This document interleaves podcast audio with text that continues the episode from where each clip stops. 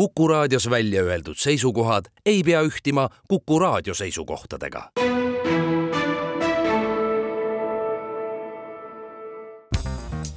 järjejutt. Raimond Keera, Visa hing Loomingu Raamatukogult, prantsuse keelest tõlkinud Heli Allik. järjejutt. Clara nagu iga hommik terve nädal, pühapäev välja arvata, ärkasin ma täna ka kell kuus. see oli järjekordselt äratuskell, mis mu voodist välja sikutas. ma näen öösel õudusunenägusid ja siis vastu hommikut selge see, et ma olen läbi ja väsinud ja ma jään magama nagu nott. kui äratuskell ei tiriseks, siis ma kardan, et ma norskaksin lõunani. kell kaheksa peale seda, kui ma olen end korda sättinud, natuke koristanud ja kohvi teinud ja kui ma neile hommikusöögi nende magamistuppa viin, vaatab proua mind alati naljaka näoga ja härra ütleb raudkindlalt, kui tõstab pilgu ajalehelt ja naeratab lahkelt. Clara, te olete täna jälle koomas. mis ta sellega öelda tahab? härra kasutab alati igasuguseid imelikke sõnu. või noh, ma saan enam-vähem aru. tõsi ta ju on, et ma pole juba mõnda aega oma parimas vormis eks see ole see õudne jama, mis mind piinab. selge see, et mu teenindus jätab soovida. mu mõtted on laiali. mul on nagu mingi raske asi kõhus. minuga juhtub kindlalt midagi halba. ma ei mõtle sellele, mida ma parasjagu teen. ma unustan kõik, mis mulle öeldakse. palun kuulake Clara, kui ma teiega räägin, korrutab proua kogu aja. aga ma ei saa sinna midagi teha tagatipuks ütleb härra, kellele meeldib nalja visata, et ma pole võimeline mõtlema. peremehed on kõik ühesugused, isegi kõige paremad. muud ei tee, kui mõistavad kohut, kuigi ise ei tea asjast midagi. aga sellegipoolest ma ei uskunud täna hommikul, et see pauk nii kiiresti tuleb. meil oli just lõunasöök plaanis, härra sõbrad, tihedad külalised, luuletaja ja kirjanduskriitik või midagi sinnapoole siin majas on alati lauas rahvast, aga see on täitsa tore. saab uusi nägusid näha, igasugu keerulisi asju meisterdada. köögis meeldib mulle tegelikult kõige rohkem. lauda katta, valges põlles roogi ette kanda, küpsetada mustikakooki või teha üks eriti hea šokolaadikreem. see on palju toredam värk, kui pesu pesta või potte panne läikima lüüa. ühesõnaga, hommikupoolik möödus lennates mul polnud aega nina nokkida ja kuigi ma tundsin, et mul on kurgus see imelik klomp, olin ma peaaegu rõõmsas tujus ja laulsin, sest homme on pühapäev ja ma lähen koos oma sõbranna Ireniga tantsima ja me saame Imperialis jälle kokku nende kahe väikse hispaanlasega, kellega me eelmisel pühapäeval tuttavaks olime saanud. ja siis kõlas uksekell. täiesti võimatu, mõtlesin mina, need ei saa veel härra sõbrad olla. ma läksin pahaaimamatult uksele seal seisis keegi sandarm. ta tahtis härraga rääkida. ma siis juhatasin ta üles. kabinetis, kui ma tema tulekust teatasin, vaatasin härrat. ta ei paistnud eriti rõõmus, et teda tülitatakse. ta on nagu mina, talle ei meeldi, kui tema juures mingid sandarmid või politseinikud ringi luusivad. ma saan temast aru, selles kambas on kõik üks suurem nuhtlus kui teine. aga sellel siin oli täitsa sõbraliku inimese nägu peas ma jätsin nad igastahes omavahele, aga mingi aja pärast hakkas see mulle imelik tunduma. Nad muudkui rääkisid, kõik kolmekesi, proua ka, kes oli üles nende juurde läinud. see ajas mind närvi, sest ma tahtsin proua käest kalavormi asjus nõu küsida ja ma ei julgenud teda segada. aga kui ta minu juurde alla kööki tuli, sandarm tema kannul ja ta oli täiesti näost ära, siis oli mulle selge, et midagi on lahti ja et minu oinapäev on käes. kuidas teie nimi on? küsis Sandarm pikema sissejuhatuseta. kõigepealt ajas see mind natuke segadusse. Nad peavad ikka alati selliseid kahtlustajaid mängima. üleval kabinetis oli proua talle ju kindlasti mu nime öelnud. mis trikk see siis oli? aga ma ei tahtnud hakata tsirkust tegema. ütlesin Clara, aga sellest talle veel ei piisanud Clara, mis? Clara Cousteau, püha issand. Te olete sündinud Pariisis, eks ole? ma noogutasin pead. seitsmes juuli tuhat üheksasada kakskümmend kuus. nii oli just. ta tundis mind tõepoolest nagu oma viit sõrme. ja teil on õde, teatas ta siis, teist vanem, Louise. on teil tema aadress? ma isegi ei iitsatanud. Praegu polnud aeg pead kaotada. selge, et ma teadsin, kus mu õde elab, aga ma tegin lolli nägu. ma ei tea mitte midagi, vastasin ma talle ma pole temast juba kuude kaupa mitte midagi kuulnud. see kahjuks ei paistnud talle meeldivat. ja siis ladus ta oma kaardid letti. aga seda te ikka teate, et ta aborti tegi? ma olen üsna kindel, et ma punastasin. seda ma ka teadsin. Ja ma nägin väga hästi, mis tema küsimuste eesmärk pidi olema, aga ma ei lasknud end verest lüüa. ma ei topi oma nina õe asjadesse ütlesin ma. ja kas ka mitte teie ise ei teinud aborti? ja mõelda, et ma olin veel ust lahti tehes leidnud, et tal on sõbraliku inimese nägu peas. nüüd olid tema huuled kurjad ja pilk karm. Ma ei saanud kohe aru, et ta teadis minu kohta peaaegu kõike ja et ta lihtsalt lasi mul vingerdada. ühesõnaga, ma ei tea isegi päriselt, miks ma eitasin kõike ma isegi ei mõelnud, et mis see hea asi oleks teha, aga nagu iseenesest tuli pähe, et igal juhul on parem väga ettevaatlik olla. ma tahtsin kõigepealt näha, mis plaan tal täpselt on. lõppude lõpuks ta võib-olla ikkagi ainult lollitas mind. See oli selge, et keegi oli minu peale kaevanud. aga mida ta täpselt ikkagi mu mineviku kohta teadis? nojah aga kui ma kokkuvõttes nägin, kuidas Sandarm oma kotist terve suure toimiku välja võttis ja mulle üksikasjalikult jutustama hakkas, mida ma kõik olin viimased kolm aastat teinud ja kus töötanud ja kuidas ma olin Saksamaal olnud oma kahe õega, Louise'iga, kes on vanem, ja Jacqueline'iga, kes on noorem, ja millised olid olnud mehed, kellega ma olin läbi käinud ja kus ma pärast teenijaks olin olnud, siis sain ma aru, et ma olen omadega täiesti sees kust imekohast nad ometi kõik selle välja võtavad? mõnikord laovad nad sulle ette isegi sihukesi asju, mis sa oled ise peaaegu ära unustanud. aga ma sellegipoolest eitasin kõike edasi. Sandarm vangutas paar korda pead. võis öelda, et mu tõrkumine ärritas teda ja talle ei meeldinud mu vastused. ja proua vaatas mind murelikul ilmel ta oleks ilmselgelt tahtnud, et ma end paremini kaitseks, et ma oma süütust tõestaks kuulge ometi, Clara, korrutas ta muudkui, see pole ju raske, te peate meelde tuletama, kui teil pole midagi endale ette heita, siis on praegu aeg seda öelda. see härra on siin, et teid kuulata, te peate talle näitama, et te pole midagi halba teinud. Aga mind ajas tegelikult oksendama. ma tundsin, et mul on väga paha olla. ma püsisin vaevu jalul. ma tahtsin, et see kõik juba läbi saaks ka Sandarmil paistis vist kiire olevat, sest kui ta nägi, et ma midagi ei räägi, muutis ta järsult tooni. ta võttis välja mingi teise paberi, mingisuguse kartongilehe, oranži värvi ma mäletan. mul on order teie arreteerimiseks ja mul on käsk teid kohe endaga kaasa viia. Ma ei piiksatanudki. ma olin pihuks ja põrmuks, aga proua nähtavasti mõtles oma lõunasöögile Te ei saa teda ju ometi kohe niimoodi kaasa viia. mul on hädasti tema abi vaja. andke meile ometi aega asju ümber korraldada. mul on lõunaks just külalised tulemas. mis ma niimoodi peale hakkan? Sandarm ei teadnud enam üldse, mida öelda või mitte öelda.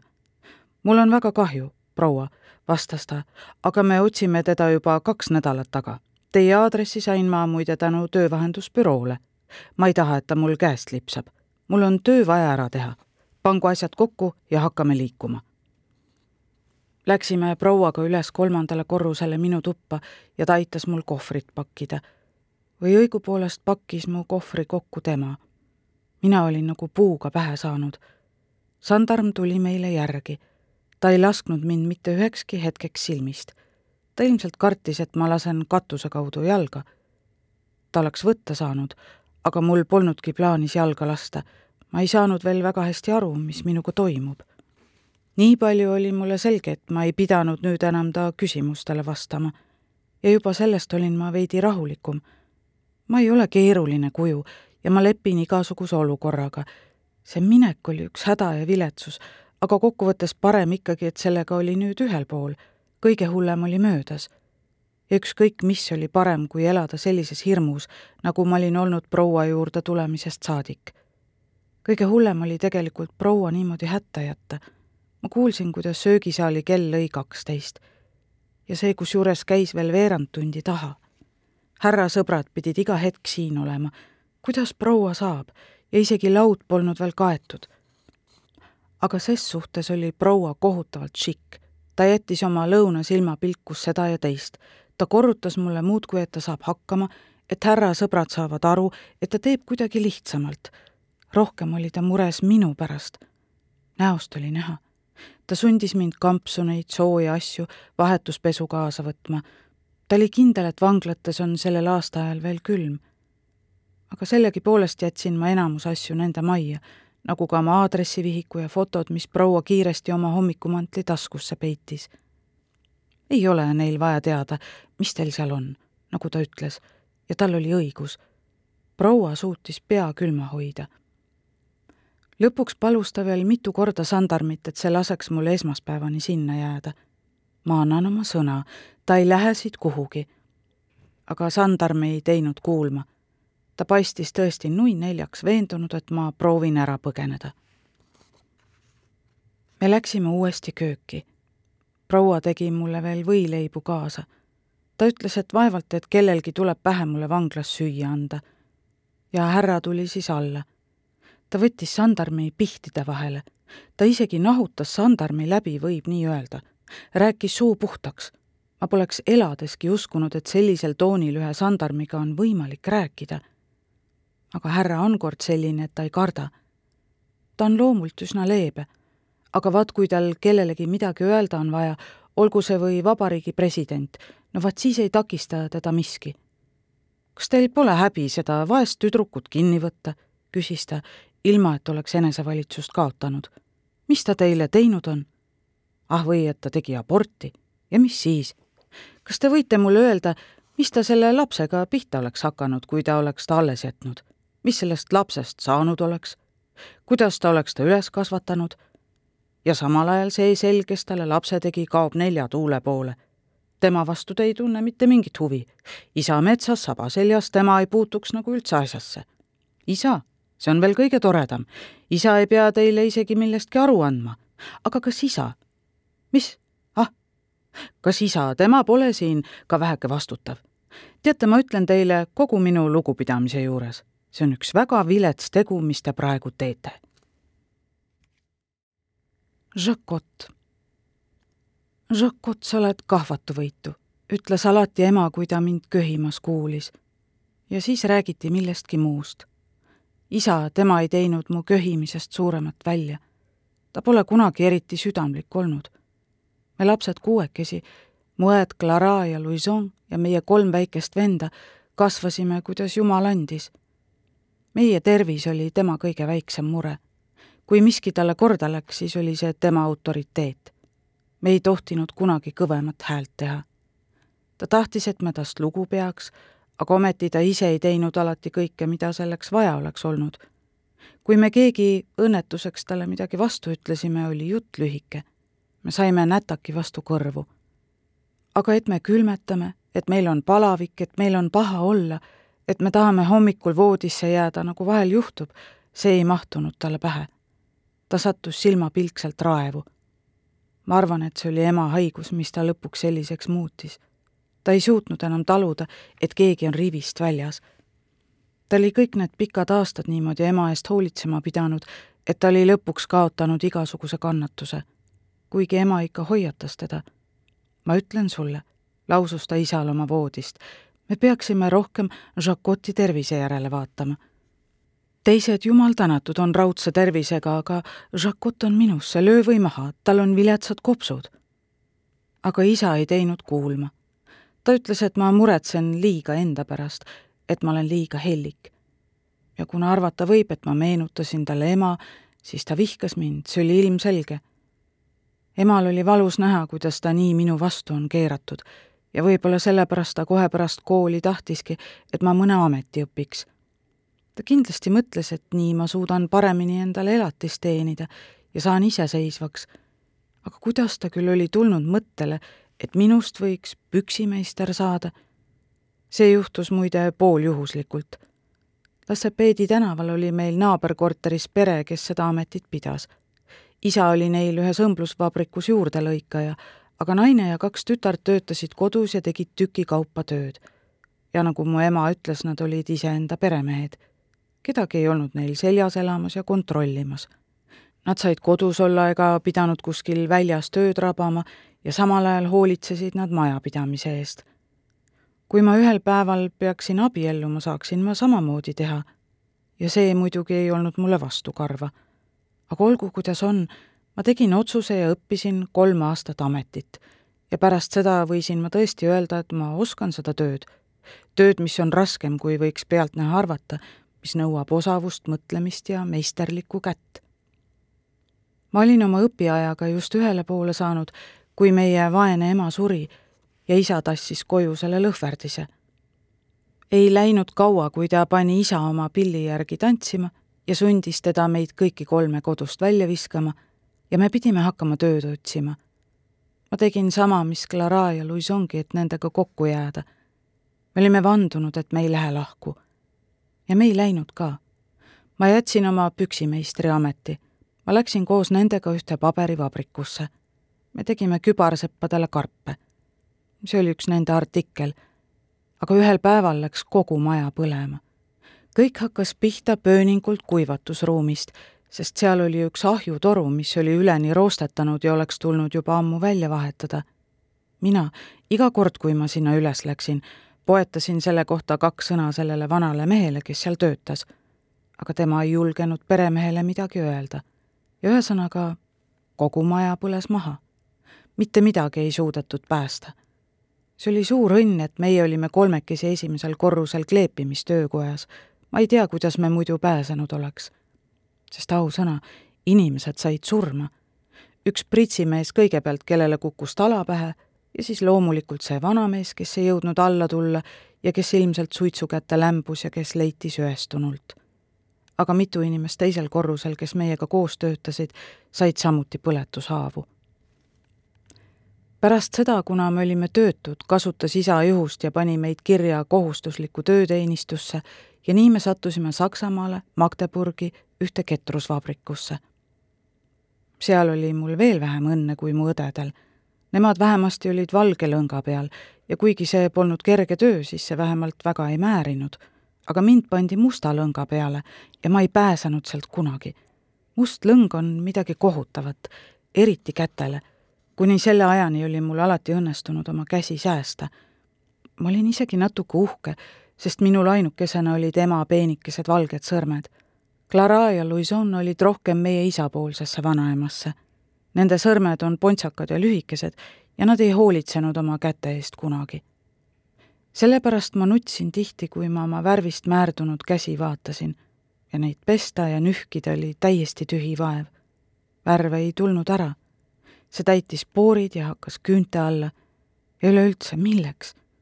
järgmisel hommikul hakkas kõik jälle otsast pihta ma pidin hommikust õhtuni kättpidi selle musta lõnga sees olema, mis veel üleni kleepus see lihtsalt ajas mind nutma ja õhtul barakki jõudes peitsin ma käsi kitli taskusse. hiljem, kui me Prantsusmaale tagasi läksime, sain sellest lõpuks lahti, kindel see, aga see võttis nädalate kaupa aega. ma arvan, see oli sellepärast natuke ka, miks ma ei saanud Saksamaal ühegi poisiga tuttavaks.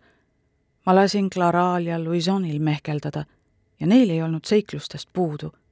aga mina eelistasin omaette olla mul oli tunne, et ükski poiss ei taha mind niikuinii. see oli ka minu iseloomus. ma pole seltsiv, mitte nagu nemad. ja noh, poisid nägid kohe ära, et ma köhin. ma arvan, et sellest piisas, et nad eemale peletada. aga elus ei või kunagi teada ja see olin hoopis mina, kes esimesena mehele läks. See juhtus peaaegu kohe pärast meie koju jõudmist, pärast Prantsusmaa vabastamist Henri töötas ühes vürtspoes, kus meie käisime ja ta jäi mulle kohe kõige esimesel päeval silma. ma ei näidanud muidugi mitte midagi välja, aga ma nägin küll, et ta ei jätnud ühtki võimalust kasutamata ja vaatas mind, kui ta arvas, et mu pilk on mujal. ja samuti sain ma aru, et ta sättis end alati meiega leti taha ja pani meile natuke rohkem kaupa. Tänu talle saime ekstra suhkrut, õli, šokolaadi ja kohvi kehtiva hinna eest. ja siis ühel ilusal päeval palus ta mind naiseks. kui päris aus olla, siis ma tegelikult olin juba nõus olnud paar korda temaga kohtumas käima, mitte tantsimas. talle ei meeldinud tantsida, nagu ta ütles. tegelikult ta ei osanud, aga mul polnud sellest midagi mulle ei meeldinud ka suuremat tantsida. Peol oli alati nii palju tossu ja tolmu, et ma hakkasin veel rohkem köhima. mulle meeldis rohkem temaga linnast välja sõita. ta viis mu kord Saint-Germain-en-Laye'sse, kord Fontainebleau'sse, kord jälle Senni või Marni kalda pealsele. me laenutasime paadi. ta aerutas. ma istusin tema vastas ja ei öelnud midagi. tema ei rääkinud ka eriti palju. ta vaatas mind aerutas ja aeg-ajalt naeratas mulle ja mina naeratasin siis ka talle vastu. tagasi tulles võtsime mõnes väikses trahteris limonaadiõlut ja friikartuleid ja siis sõitsime äärelinna rongidega või rahvast pungil bussis koju, käed aasalilli täis. ja need lilled lõhnasid hästi. kui me tagasi Pariisi jõudsime, ma pidin peaaegu ära lämbuma. ma oleksin tahtnud terveks nädalaks sinna jääda Atis Monsi või Canisse pikali koos temaga rohus olla ja taevast vaadata. kui ma tagantjärgi sellele mõtlen, siis on mul tunne, et see oli minu elu kõige ilusam aeg. Henri oli tähelepanelikkus ise. ta ei käinud kunagi koos teiste poistega naisi jahtimas, ta oli kogu aeg minuga. see oli kindel, et ta armastas mind. ja ta tegi kõik, et ma end hästi tunneks. nii me siis ühesõnaga abiellusime ja ta töötas edasi oma vürtspoes aga mõne kuu järel hakkas mulle tunduma, et midagi on valesti. alguses ei tahtnud ta mulle midagi öelda, aga siis ma ikkagi nii palju küsisin, et mul õnnestus ta rääkima panna. ta ei tahtnud terveks eluks poeteenijaks jääda. ta tahtis oma äri avada, osta mõne väikse toidukaupade poe. aga selleks oli raha vaja. tal oli küll veidi kõrvale pandud ja ta oli saanud väikese päranduse ühelt oma tädilt, kes oli eelmisel aastal surnud, aga seda polnud küll ja kui ma nägin, kui väga see ikka tal südame küljes oli, siis ma mõtlesin, et kui ma uuesti tööle hakkaksin, siis ma saaksin meile natuke raha teenida. muidugi, kui ma oleksin isekam olnud, poleks ma eales sellist asja teinud, aga ma kuulasin ainult oma südant. tal paistis seda kauplust hing nii hirmsasti ihkavat ja ta oli minuga abiellunud. minu jaoks oli see suur asi. ma olin talle tänulik ja ma siis mõtlesin endamisi, et ma saaks nüüd oma püksimeistri ametist kasu lõigata. kuna ma olin abielus, oli mul võimalus omas kodus olles mõnele suurele majale pükse õmmelda ja samal ajal keeta süüa ja oodata abikaasat koju. see oli minu unistus. aga tegelikult võisin ma lootuse ruttu sinnapaika jätta. tellimustööd kodus tegemiseks ma ei leidnud. või siis sandikopikate eest. võib-olla, kui ma oleks kauem otsinud aga ma olin selle endale pähe võtnud ja ma tahtsin alustada nii ruttu kui võimalik. ma niisiis rabasin esimese ettejuhtuva asja ja ma ei teadnud siis veel, mis mind ees ootab. üks asi on kindel, rätsepad tahavad tänapäeval aina vähem tööd koju välja anda. Neile meeldib rohkem, et töötajad on käepärast. eks see ole ka tõsi, et kodus töötab inimene ainult siis, kui talle pähe tuleb ja kui sa pole korralik, võivad tellimused hiljaks jääda tagatipuks juhtub sedagi, et materjali pealt võetakse matti. ma ei räägi endast. mina ei varasta, aga peremeestel pole teadmata, et nii mõnedki teevad jumal teab mida. niisiis ma läksin Pomarchee tänavale Malgoni ja Barvilli juurde ja oligi jälle vabrik. aga see oli isegi veel hullem, sest see oli tõeline liinitöö. Nad nägid kohe, mida ma oskan teha ja mind pandi püksiaugu kinnist paigaldama ja nööpaugu kohti märkima. ja seal olid teised, kes tegid taskuid ja teised, kes õmblusi ja teised, kes tagumikku ja teised, kes värvlit või sääri ja veel teised altäärt ja veel teised lõpuks nööpe. ja veel mitte kõiki. näiteks see, kes oli ketis minu kõrval, pidi õmblema neli püksiaugu nööpi. neli nööpi kolme minutiga sest et ma unustasin öelda, meil oli igaühel kolm minutit ühe püksipaari kohta ja iga kolme minuti tagant oli kellahelin ja me pidime need püksid edasi andma, mis meil käes olid, ja haarama need, mis kõrvalolija andis. maksku, mis maksab, sa pidid õigeks ajaks valmis saama. muide, need, kes selle süsteemi olid välja mõelnud, olid kõik täpselt punkti pealt välja arvestanud. mitte sekunditki polnud kaotada, kogu tähelepanuga pidi asja juures olema. mitte kunagi ei tohtinud töökohalt pilku tõsta ja sul pidid olema iseenesest osavad käed Louison. no mida ta jälle ometi sehkendab, see neetud väike Joe. kell on seitse. ma olen siin juba rohkem kui tund aega passinud ja mitte see ootamine ei aja mind nii õudselt närvi, vaid see omaniku lollakas pilk, mida ma endal tunnen. ei tea, mida ta endast mõtleb. või mis, ma võin tegelikult väga hästi ette kujutada, mis väiksed asjakesed seal vanal limukal kupli all keerlevad. ta parastab mind ta hõõrub endal kahjurõõmust käsi. aga mis õigusega? ta mõtleb, näe, Louisonke, tema, kes ta on nii paljusid oodata lasknud, nüüd siis vahib ise kella. see tema Joe ikka oskab endale järele jooksma panna. ja mis siis? kui Joe ainult mind kuulaks, koliks me silmapilk teise kohta. Ta käib mulle närvidele, see paks õline tüüp ja see tema neetud sinine põll, mis on alati nii puhas ja see karvapuhmas, mis ta lahtisest särgist välja paistab ja need kleepuvad käed ja see salakaval pilk, mis näib alati ütlevat, et küll tema juba teab kõike. me oleks võinud näiteks minna Mildred baari Rossiini tänaval, seal on rahulikum ja see on kiviga visata, aga ei. Joe'le meeldib siin. tema Popeis. siin ma sinuga tuttavaks sain, nagu ta lakkamatult korrutab kuigi tegelikult seda enam ju oleks veel üks põhjus siia mitte jalga tõsta. kui mu peigmees näiteks sisse astub, palun väga, kui me siin klaasikest võtame või miilustame. seda kisa oleks siis taevani. ja tagatipuks võib mu jänki kah täitsa juhuslikult siia trehvata. see vana suslik on alati platsis, kui teda vähimatki oodata ei oska. mehed on nii keerulised, ma ütlen. Bibi, jah, just nii ma teda kutsun, see on ühesõnaga Josikian, mu ametlik kavaler. ühesõnaga, Bibist armukadedamat meest pole olemas. sellest ajast, kui ta mu oma korterisse elama pani, on selline tunne, nagu me oleks temaga altari ees käinud. temal on nüüd truudust vaja. ja kui te ainult näeks, kuidas ta vahib neid teisi mehi, kes julgevad mind liiga lähedalt nuusutada. see oligi just nimelt see, mis mind teda petma ajas. Ma ei suutnud kannatada, kuidas ta mind enda omandiks peab lõppkokkuvõttes ta polnud esimene. miks ta siis viimanegi peaks olema? aga noh, õnn on see, et nagu kõik armukadedad, ta on pime. see on peaaegu nauding talle igasugu jama kokku luuletada. ta neelab konksud alla, nii et lust vaadata. tuleb ainult osata tema eemalolekuid ära kasutada.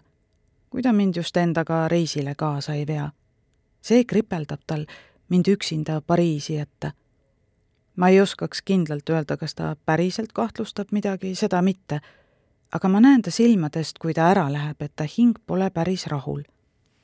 sellepärast ta nuiabki peaaegu alati, et ma temaga kaasas oleks.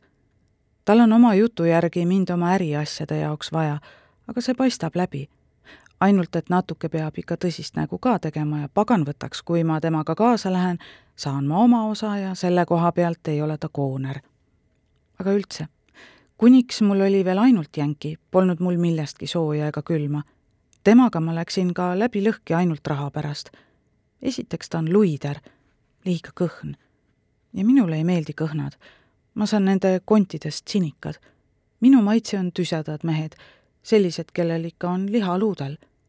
ja millest ma oma ameeriklasega rääkima peaks?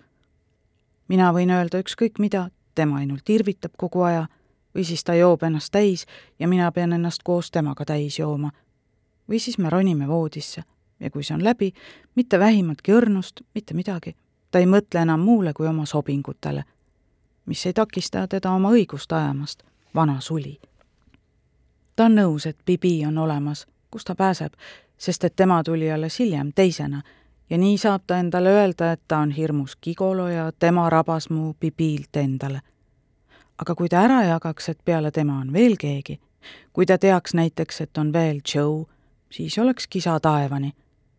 temasugune on võimeline minema ja kõik Bibile ette kandma, lihtsalt kas või kättemaksuks. see poiss on silmakirjalik nagu kahe persega koer. tema kujutab ka ette, et tal on ei tea mis õigused. ta mängib kohutavat businessmani, aga tegelikult on ta üks kompleksi hunnik. ühesõnaga, omas žanris ohtlik tüüp, kellega pole vaja ilmaasjata riske otsida, eriti kui ta on joonud ja kuna seda juhtub temaga tihemini kui tarvis. kui ma päris aus olen, siis on ainult üks, kes mulle ses mõttes närvidele ei käi. see on Joe. tema vähemasti ei päri mult kunagi, kust ma tulen või kuhu ma lähen või kellega ma oma reisi teen või kas ma olen kaua ära. Ta kohe pole uudishimulik. kui ma olemas olen, on hästi, kui mind pole, teeb sama välja. ma pole kunagi näinud nii rahulikku nii ükskõikset noormeest. ja vot see just ajabki mind närvi. mulle meeldiks, kui talle rohkem korda läheks, mis ma teen.